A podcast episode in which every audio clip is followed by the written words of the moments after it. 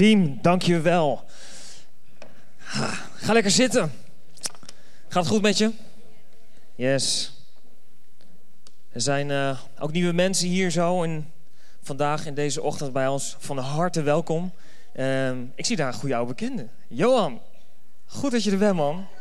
Johan is verhuisd naar Amsterdam, is getrouwd. Maar uh, wat tof om je hier te zien man. Hey, leuk. Hey, vandaag is het Hart voor het Huis zondag. En um, dat is een heel bijzondere dag. En als kerk hebben we ons voorbereid in de afgelopen week, hebben we erover nagedacht over, om een extra offer te brengen. En een kerk is een organisatie dat draait op giften van mensen. Daar zijn we gewoon heel eerlijk over. Maar ik geloof ook dat God ons zegent om de kerk te kunnen zegenen. Dat God ons zegent, dat ons, God ons uh, een baan geeft. Dat God ons financiën geeft om een zegen te kunnen zijn voor de kerk. Niet alleen voor de kerk, maar ook voor goede doelen, voor organisaties en voor van alles. Maar ook voor de kerk. En zo, zo met Pinksteren, als we daar met elkaar naar terugkijken, dan zien we dat dat het moment was dat de, in, de Bijbel dat daar een, het, het eerstelingenoffer werd gebracht. Dat betekende in die tijd dat het eerste deel van de oogst werd aan God gegeven. En wij hebben gezegd, oké, dat gaan wij ook doen. Wij gaan um, een, een offer ophalen we gaan de mogelijkheid bieden in onze kerk om in diezelfde zegen en datzelfde principe te stappen. Om God een dankbaarheidsoffer te geven voor alles wat Hij gedaan heeft voor ons in de afgelopen tijd. En niet alleen dat, maar tegelijkertijd is het offer een investering in de kerk, zodat wij de missie van de kerk waar we mee bezig zijn, dat is Gods huis bouwen, dat is andere mensen bij Jezus brengen, ze te helpen om God te vinden. Om ze te helpen te ontdekken wie ze werkelijk zijn, wat Gods plan voor hun leven is. En om uiteindelijk een verschil te kunnen maken in de wereld om ons heen. Dat is waar we als kerk voor staan. En ik wil je vragen en uitdagen om te zeggen van... hé, hey, wat kan jij doen? Wat kan jij doen? Als je nieuw bent hier, voel je niet verplicht. Niemand, sowieso. Als je, ook als je deel bent van de kerk. Weet je, de Bijbel leert ons en vertelt ons dat je eigenlijk gewoon vanuit een bereidwillig hart mag geven. Als je het geeft vanuit, hm, moet dat nou? Weet je, dat, dat is niet leuk. Dat zou ik ook niet leuk vinden.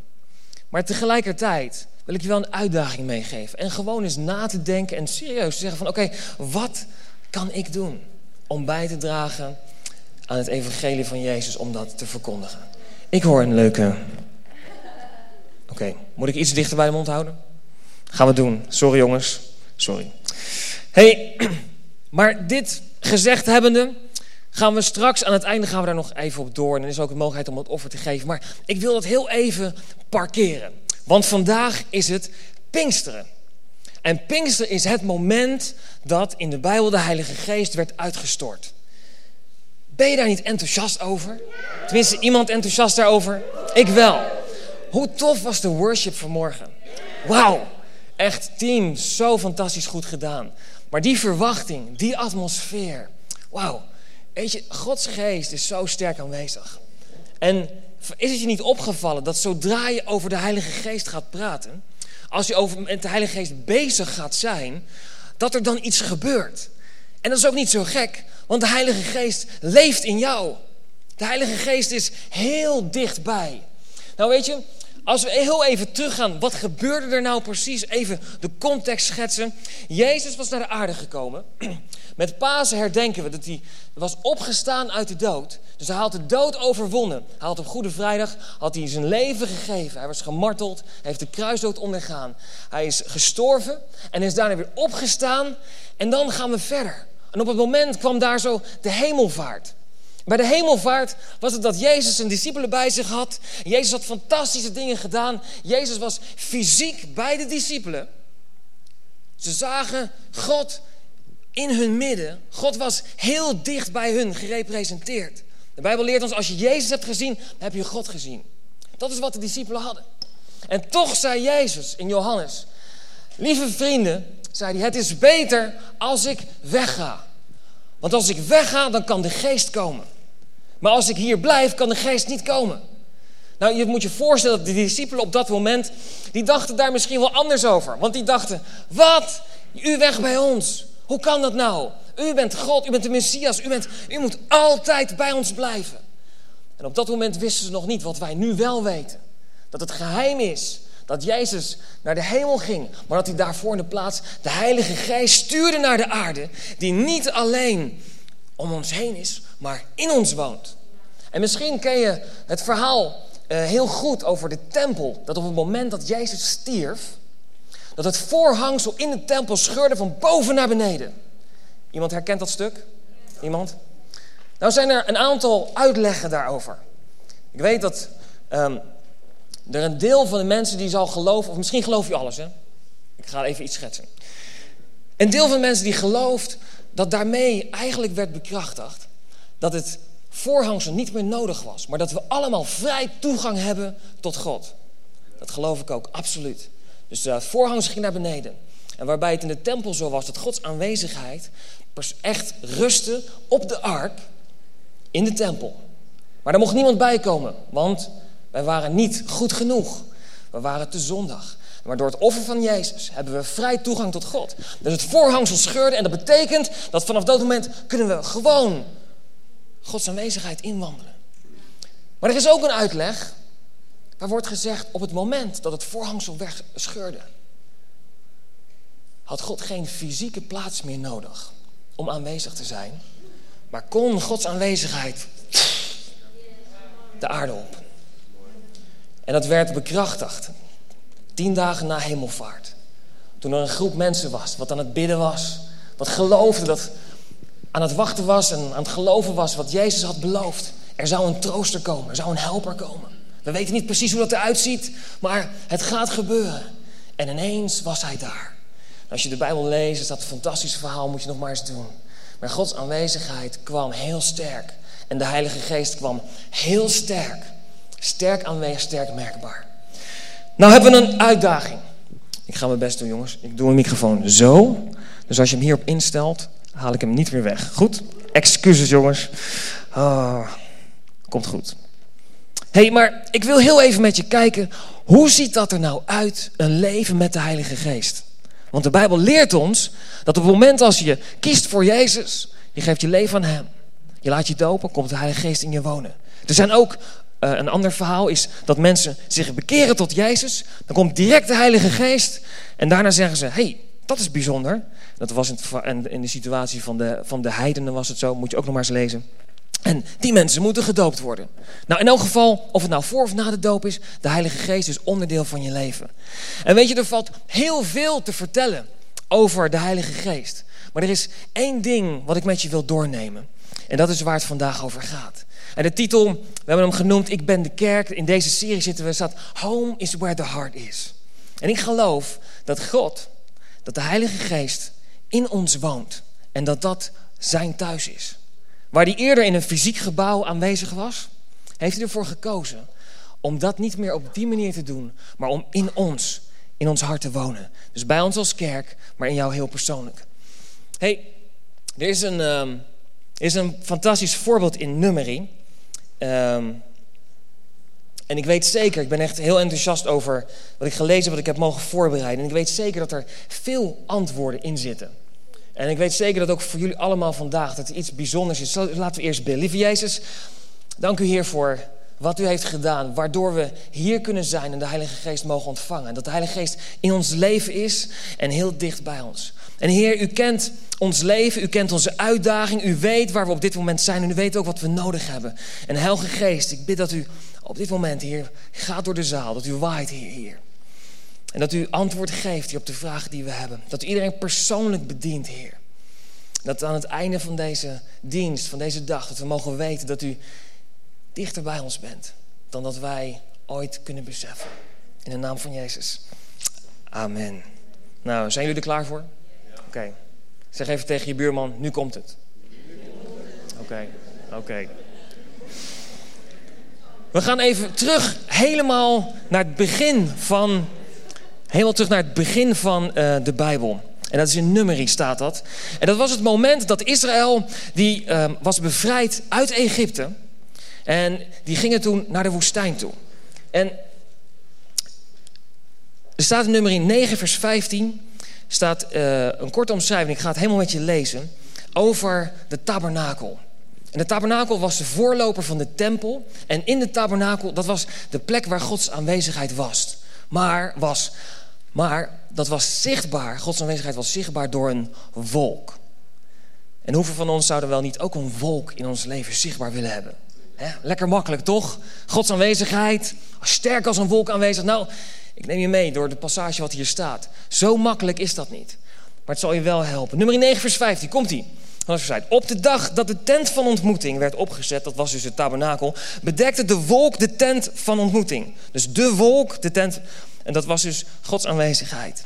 Van de avond tot de ochtend leek de wolk op vuur. Zo was het altijd. Overdag bedekte de wolk de tent en s'nachts het vuur. Bizar. Moet je je voorstellen wat dat, hoe dat eruit zag. Overdag was er een wolk over de tent heen. En s'nachts was, was er vuur zichtbaar. Ik ben benieuwd hoeveel mensen dat dan wilden gaan blussen. Hè? Nou ja, goed. Als de wolk opsteeg van boven de tent, reisden de Israëlieten verder. Op de plaats waar de wolk bleef stilstaan, zetten de Israëlieten hun tentenkamp weer op. Wauw. Als de Heer op die manier het bevel gaf om te vertrekken, trokken de Israëlieten verder. En als de Heer op die manier het bevel gaf om de tentenkamp weer op te zetten, zetten ze de tentenkamp weer op. Zolang de wolk op de tent van ontmoeting was, bleven ze waar ze waren. En als de wolk lange tijd op de tent van ontmoeting bleef, dienden de Israëlieten de Heer bij de tent van ontmoeting en reisden ze niet verder. Soms bleef de wolk maar een paar dagen op de tent van ontmoeting. Bizar, hè? Want het gaat hier niet over een clubje van 100 mensen. Het gaat hier echt over miljoenen mensen die daar zo omheen leefden en dat zagen gebeuren. Op het bevel van de Heer zetten ze tentenkamp op en op het bevel van de Heer trokken ze weer verder. Weet je, dit verhaal gaat over Israël, dat nog niet in het beloofde land was. God had ze uit Egypte gehaald en het doel was om naar het beloofde land te gaan, wat God voor ze had. Maar het verhaal waar we het hier over hebben, is dat, dat stuk in het midden. Die overgang van de bevrijding naar het beloofde land. En ondanks dat ze nog niet waren waar God ze wilde hebben, was Hij toch daarbij ze. Continu. En hoeveel van ons voelen ons niet op die plek? Dat we nog niet helemaal zijn waar we zouden willen zijn. Dat we weten dat we gered zijn. Dat we vrijgekocht zijn door Jezus. Dat, ze, dat we zijn offer ontvangen hebben. Dat we een hand hebben, hebben gestoken en gezegd: Jezus, ik heb u nodig in mijn leven. En dat we de reis zijn gaan wandelen met Hem. En dat we dan ergens ja, nu in een soort woestijn zijn. Dat we niet goed weten welke kant we opgaan. Dat is wat hier gebeurde. Soms was de wolk er van vers 21, er van de avond tot de morgen. En als de wolk dan s'morgens opsteeg, trokken ze verder. Het maakte niet uit of het dag of nacht was. Als de wolk opsteeg, trokken ze verder. Als de wolk langere tijd op de tent van ontmoeting bleef, bleven de Israëlieten ook al die tijd waar ze waren en trokken ze niet verder. Dat kon twee dagen duren, of een maand, of nog langer. Pas als de wolk opsteeg, trokken ze verder. Op het bevel van de Heer zetten ze het tentenkamp op. En op het bevel van de Heer trokken ze verder. En ze dienden de Heer bij de tent van ontmoeting, zoals de Heer het Mozes bevolen had. Weet je, als het hier over gaat, dan wil ik vandaag slechts één punt. Hè. We houden altijd van punten in City Life Church. Dan geven we vijf punten of zo. Maar vandaag ook maar één punt. En dat punt is de Heilige Geest is jouw reisgids. De Heilige Geest is jouw reisgids. Weet je, um, hoeveel van ons geloven dat de navigatie, het navigatiesysteem, een gift is uit de hemel? Het heeft veel vriendschappen gered, huwelijken gered. Maar de eerste keer dat ik um, in aanraking kwam met een navigatiesysteem was toen ik mijn bijbaantje als taxichauffeur had. En um, ik wist nog niet, ik wist wel hoe het werkte, maar het was wel uh, even nieuw. En um, wij, ik, ik, werkte bij een bedrijf wat zakelijk vervoer deed. Dus ik stond niet aan de zijkant bij een, uh, bij een taxistandplaats te wachten tot iemand gewoon een beetje een uh, taxi instapte. Maar ik deed zakenvervoer voor een aantal grote bedrijven. Dus ik krijg dan een, een, briefje mee met welke mensen ik moet ophalen en waar ze naartoe moeten. En nou ja, ik, zo goed als dat ik mogelijk kon voorbereid zijn, ging iemand ophalen en die moest naar Schiphol toe. Nou, ik weet niet of je de navigatie goed kent. Kijk, Google Maps tegenwoordig is fantastisch. Ik bedoel, je kan gewoon aanwijzen waar je naartoe moet. Maar de oude navigatiesysteem moest je echt een fysiek adres intypen. En dus ik deed, toen die dame instapte, het was een dame, ik zat rechts achterin, hè, zo gaat dat. Ik stapte in en ik typte Schiphol in. Maar waarschijnlijk weet je wel dat Schiphol is groot. En Schiphol heeft veel mogelijkheden. Schiphol vertrek, Schiphol aankomst. Ik dacht toen, was een van mijn eerste taxiritten, wat moet ik nou doen? Dadelijk heb ik de verkeerde kant, kom aan de verkeerde kant aanrijden. En toen stond daar in dat lijstje van, nou, ik denk dat er wel tien opties Schiphol waren, stond er Schiphol Centrum. Dat moet hem zijn. Je raadt het al. Ik in die taxi rijden. En normaal heb je gewoon twee toegangswegen naar Schiphol toe. Vooral de A4 moet je gewoon hebben. Weet je, erop en eraf, helemaal goed. Maar mijn route, en volgens mij kwam vanuit het oosten, die kwam uiteindelijk op de A9. Je kan ook de A9 pakken, maar ben ik nu achter. En ik reed daar zo op de A9. En op een gegeven moment stond er op het bord Schiphol. En ik, de navigatie zegt, u moet hier eraf. Dus ik nou goed, ik hier eraf. En die dame achterin die begon al. Uh, rijden we wel goed? Dus ik zo, mevrouw, maakt u zich geen zorgen. Ik heb de navigatie aanstaan. Wij komen waar we moeten zijn. En je raadt het natuurlijk al. Ik reed daar zo ergens in de middle of nowhere. Ook Schiphol heeft middle of nowhere. Op een soort plattelandsweg. Waarschijnlijk was het ergens tussen de, de landing en de stijg, opstijgbanen. En toen zei hij, uw bestemming, u heeft uw bestemming bereikt. Ik zag geen vertrekhal. Ik zag geen aankomsthal. Ik zag helemaal niets. Dus de paniek sloeg mij toe. Wat moet ik doen? Nou goed, je snapt al. Ik, uh, ik zei eerlijk tegen hem, ja, zoek eens even op mijn eerste. Dus ik ga toch even de navigatie kijken. En doorscrollen zat daar inderdaad vertrekhal. Dus die kon ik intikken. En uiteindelijk kon die dame gelukkig veilig afdroppen. Maar als ik dit voorbeeld gebruik, dan zou je kunnen zeggen dat de Heilige Geest werkt gelukkig niet zo. Dat hij jou een briefje meegeeft en dat hij zegt: Dit is jouw eindbestemming, zoek het maar uit.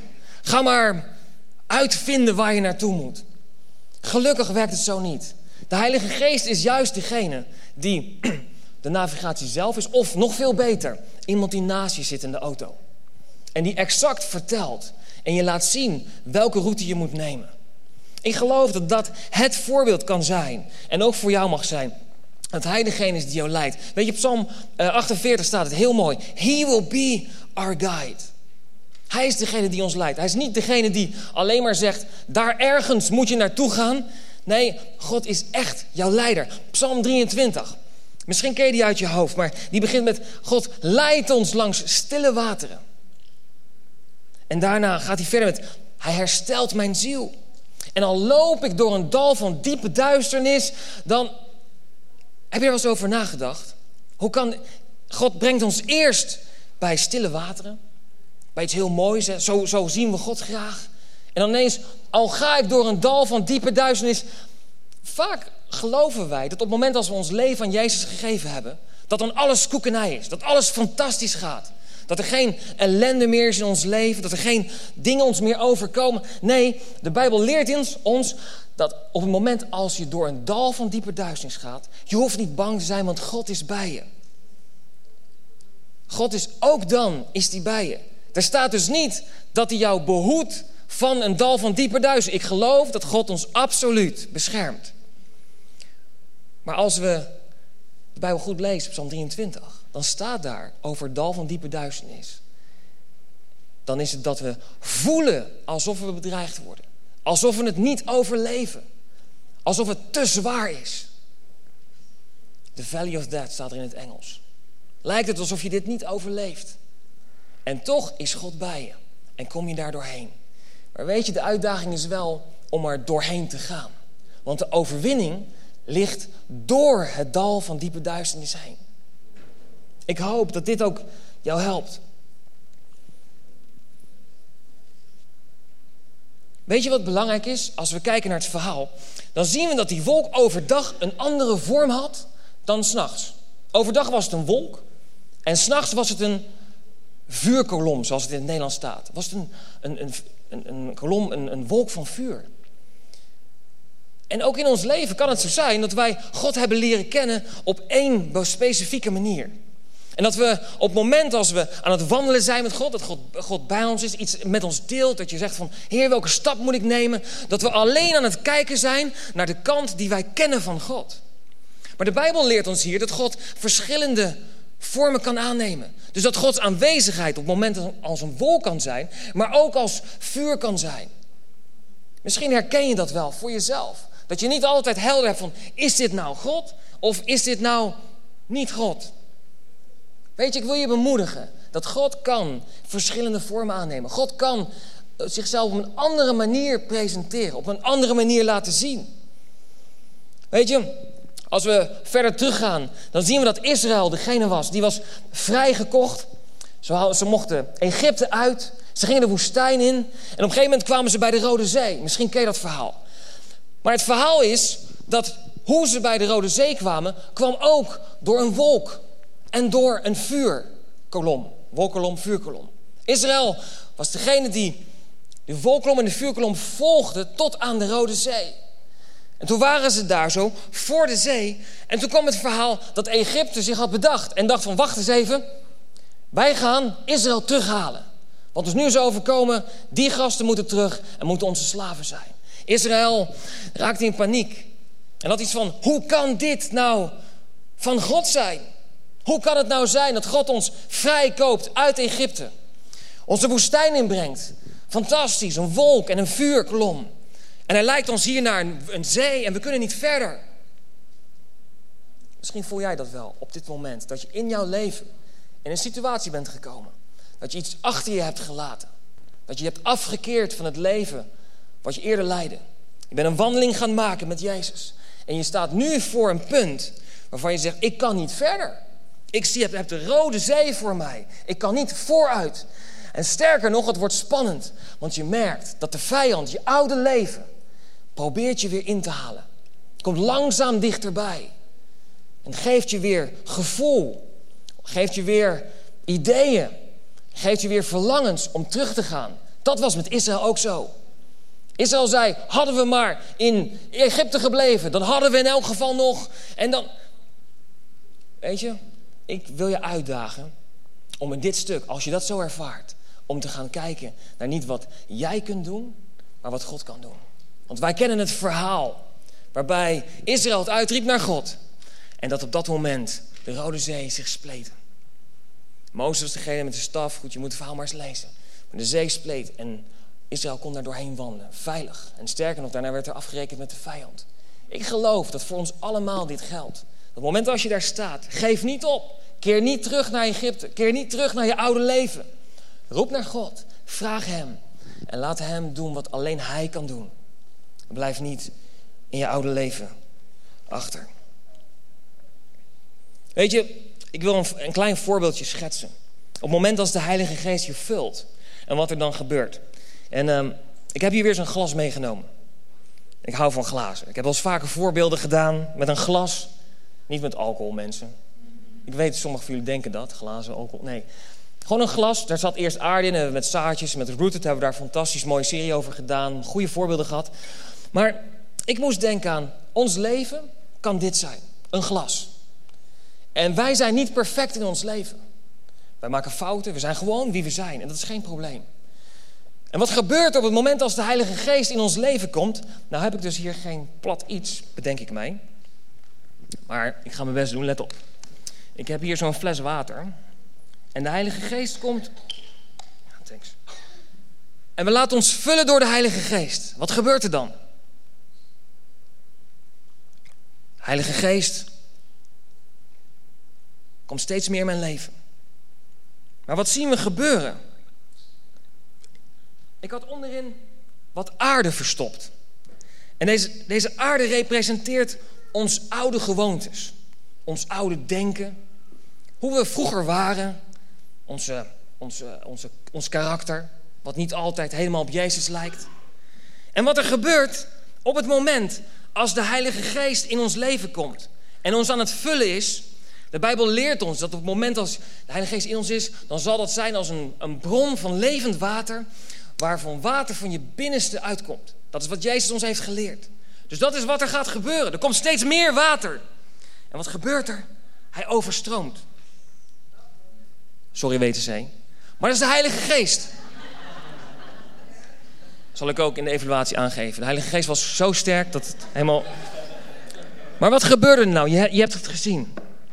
Er komt Heilige Geest die overstroomt uit jou. Maar niet alleen dat, wat komt er ook naar boven? De aarde. En de oude dingetjes. En de dingetjes die misschien pijn doen.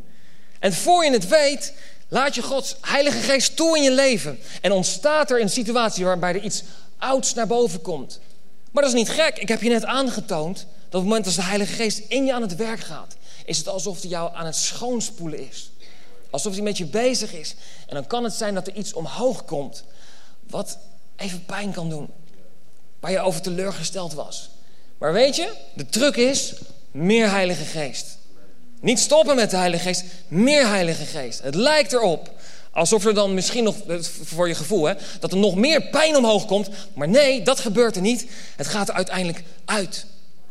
Maar weet je, aan de buitenkant, als je hier naar kijkt en je ziet dat glas, andere mensen om je heen, die zullen dus, behalve dat de Heilige Geest bij jou duidelijk zichtbaar is, ook die andere dingen ervaren. Wauw. Wees dus voorzichtig op het moment als je voelt dat Gods aanwezigheid sterk in je leven is. Om te zeggen dat alles wat er gebeurt door jou heen, dat dat van de Heilige Geest is. Nee, wij zijn nog steeds die oude. Nou, ik moet even goed zeggen, je bent nieuw, absoluut. Maar we hebben nog steeds onze dingetjes waar God mee aan de slag is. En dat kan er dus uitkomen aan de buitenkant. hey, en dan, laatste punt, ik kan nog zoveel vertellen over, over, um, over de Heilige Geest. Maar weet je, soms kan het zijn dat we ons eens, dat we ons wel eens voelen geleid om iets te doen. Dat de Heilige Geest ons iets vertelt. Misschien heb je dat wel eens met elkaar gedeeld. Misschien heb je wel eens iemand gehoord die ook zoiets zei. Zeg van, ja, ik, ik voelde alsof God tegen mij zei. Vaak bedoelen we dan dat we een ervaring hebben met God. Of dat we de indruk hebben of weten dat God iets van ons vraagt. Maar heel vaak is het zo dat we vanuit ons gevoel zeggen: Ik voel dat God dit of dit tegen mij zegt. Nou weet je, ik wil je één ding vragen. Trek je leven van God niet naar het niveau van gevoel. Laat me dat kort uitleggen. Weet je, als ik alleen maar zou doen wat ik voel dat ik zou moeten doen, hoe ik mij voel geleid worden. Nou, sommigen kennen mij. Ik denk dat ik de hele dag tv zou kijken. Dat is ook de reden dat ik tv de deur uit heb gedaan. Tenminste, het abonnement. Netflix, hè? Kan je programmeren. Maar niet alleen dat. Als ik alleen maar zou eten wat ik, hoe ik mij voel geleid worden naar de koelkast. Oh mensen, ik moet aan sporten gaan. Echt waar. Zelfs ik. Ik moet echt gaan sporten. Maar weet je, ik zou alleen maar ah, lekkere dingen eten. Ik zou mezelf niet goed voeden. Vraag het eens aan je kinderen. Ik, oh, wij hebben een lieve dochter, ze is zes jaar. Maar het lijkt soms wel eens een tiener. Want die wil, als je aan haar zou vragen... Joy, voel je vandaag dat je naar school moet? Weet je, eh, wat, wat denk je vandaag? Zo werkt het niet. Joy zou ook soms gewoon de school overslaan. Zeg het eens tegen je baas. Probeer dat maar eens een keer. Je komt gewoon niet. En dan uh, belt hij jou misschien op. Hé, hey, waar ben je? Ik had je verwacht, heb een afspraak? Nee, ik, ik voelde vandaag dat ik niet geleid was om, om naar mijn werk te komen en om iets nuttigs te gaan doen. Maar lieve mensen, kijk, we lachen erover. En ik moet er ook om lachen. Maar heel vaak doen we in ons geestelijk leven dit wel. Dat we van alles vinden we normaal om te doen. Maar in ons geestelijk leven wachten we totdat we een gevoel krijgen. Dat we geleid worden om iets te doen. Weet je, lieve mensen, zo werkt de Heilige Geest niet. En hier zit het verschil tussen een volwassen gelovige en iemand die op zijn gevoel heen en weer deinst. En dan voel ik mezelf goed en kan ik iets doen. En dan voel ik mezelf minder, dan zal het niet van God zijn. En dan laat... Weet je, er zijn mensen vandaag, en ik no offense naar niemand. Maar sommigen van ons, die voelden zich goed vandaag om in de kerk te zijn. Maar anderen van ons, die hebben een keuze gemaakt, een prioriteit gesteld en gezegd: Zondag is mijn dag om te geven aan God, om in zijn huis te zijn. Weet je, ik wil je bemoedigen om de Heilige Geest sterk merkbaar in je leven aanwezig te laten zijn. En dat je met hem die reis gaat maken naar een overwinning toe. Weet je, waarbij het niet altijd voelt alsof het fijn is. Maar het gaat erover de prioriteiten die je stelt, de keuzes die je maakt. Nou, lieve mensen, echt, ik kan nog zo lang over de Heilige Geest praten, maar we moeten afronden. Weet je.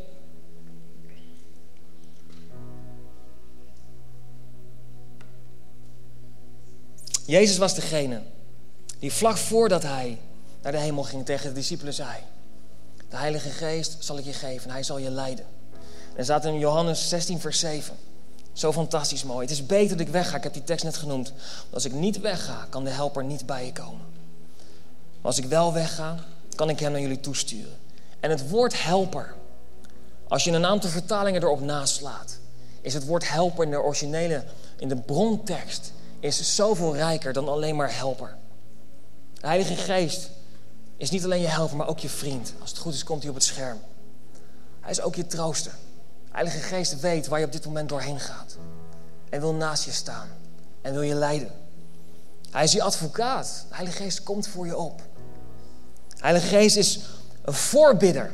Hij is een bemiddelaar voor je. De Heilige Geest is je raadgever. Hij geeft je wijsheid met de keuzes die je moet maken. Op welk moment. Hij is ook je versterker. Niet een geluidsversterker. De Heilige Geest is je versterker. Hij geeft je nieuwe kracht. En de Heilige Geest is ook je steun. Dat is wie de Heilige Geest is. En ik wil je vragen om vandaag bewust een keus te maken. Om de Heilige Geest toe te laten in je leven. Ook al lijkt het niet altijd fijn. Ook al lijkt het niet altijd dat je denkt van is dit wel van God? Maar ontvang wat de Heilige Geest door je heen wil doen. In de reis naar overwinning. Naar het land wat God voor je heeft. Ik bedoel niet een fysiek land. Maar het leven dat God voor je heeft. Je hoeft het niet meer alleen te doen. Door Jezus is het mogelijk. En de Heilige Geest is Jezus in jou. Zullen we gaan staan? Een kort afsluiten met een gebed.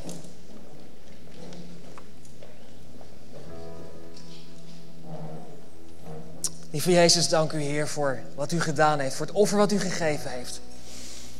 En dank u Heer voor de Heilige Geest die u gezonden heeft. Een Heilige Geest op dit moment. Wil u echt bewust ontvangen in ons hart. En voor iedereen hier in de zaal, Heer. Als je Jezus nog niet eerder gevraagd om de Heilige Geest, wil ik je bemoedigen om dat te doen vandaag. We zullen aan het einde na de dienst ook nog een moment nemen dat, er, dat je heel bewust persoonlijk gebed mag ontvangen. Op dit moment al, Heilige Geest, wil ik u bidden dat u de harten aanraakt. En dat u laat weten dat u er bent, Heer. Dat u die trooster bent, dat u die vriend bent. Dat u onze leider bent. Dat u onze reisgids bent in ons leven. En Heer, hoe dat ook soms oncomfortabel lijkt, dat het wel u is. Dat u dat bent die naast ons zit. En die ons door elke situatie heen neemt richting de overwinning. En ik bid Heer dat u laat zien aan mensen. Dat als er situaties zijn geweest in ons leven waar we vragen bij hebben, hoe kan het dat dit gebeurd is? Dat u laat zien waar u was. En dat u elke situatie gebruikt ten goede. Niet alle ellende. Ellende komt niet van u. Maar ik weet wel dat u door elke situatie heen alle situaties kan gebruiken ten goede. Voor degene die hem lief hebben. En dat bid ik over iedereen uit. Op dit moment. In de naam van Jezus. In Jezus' naam. Amen. Hey, ga lekker zitten.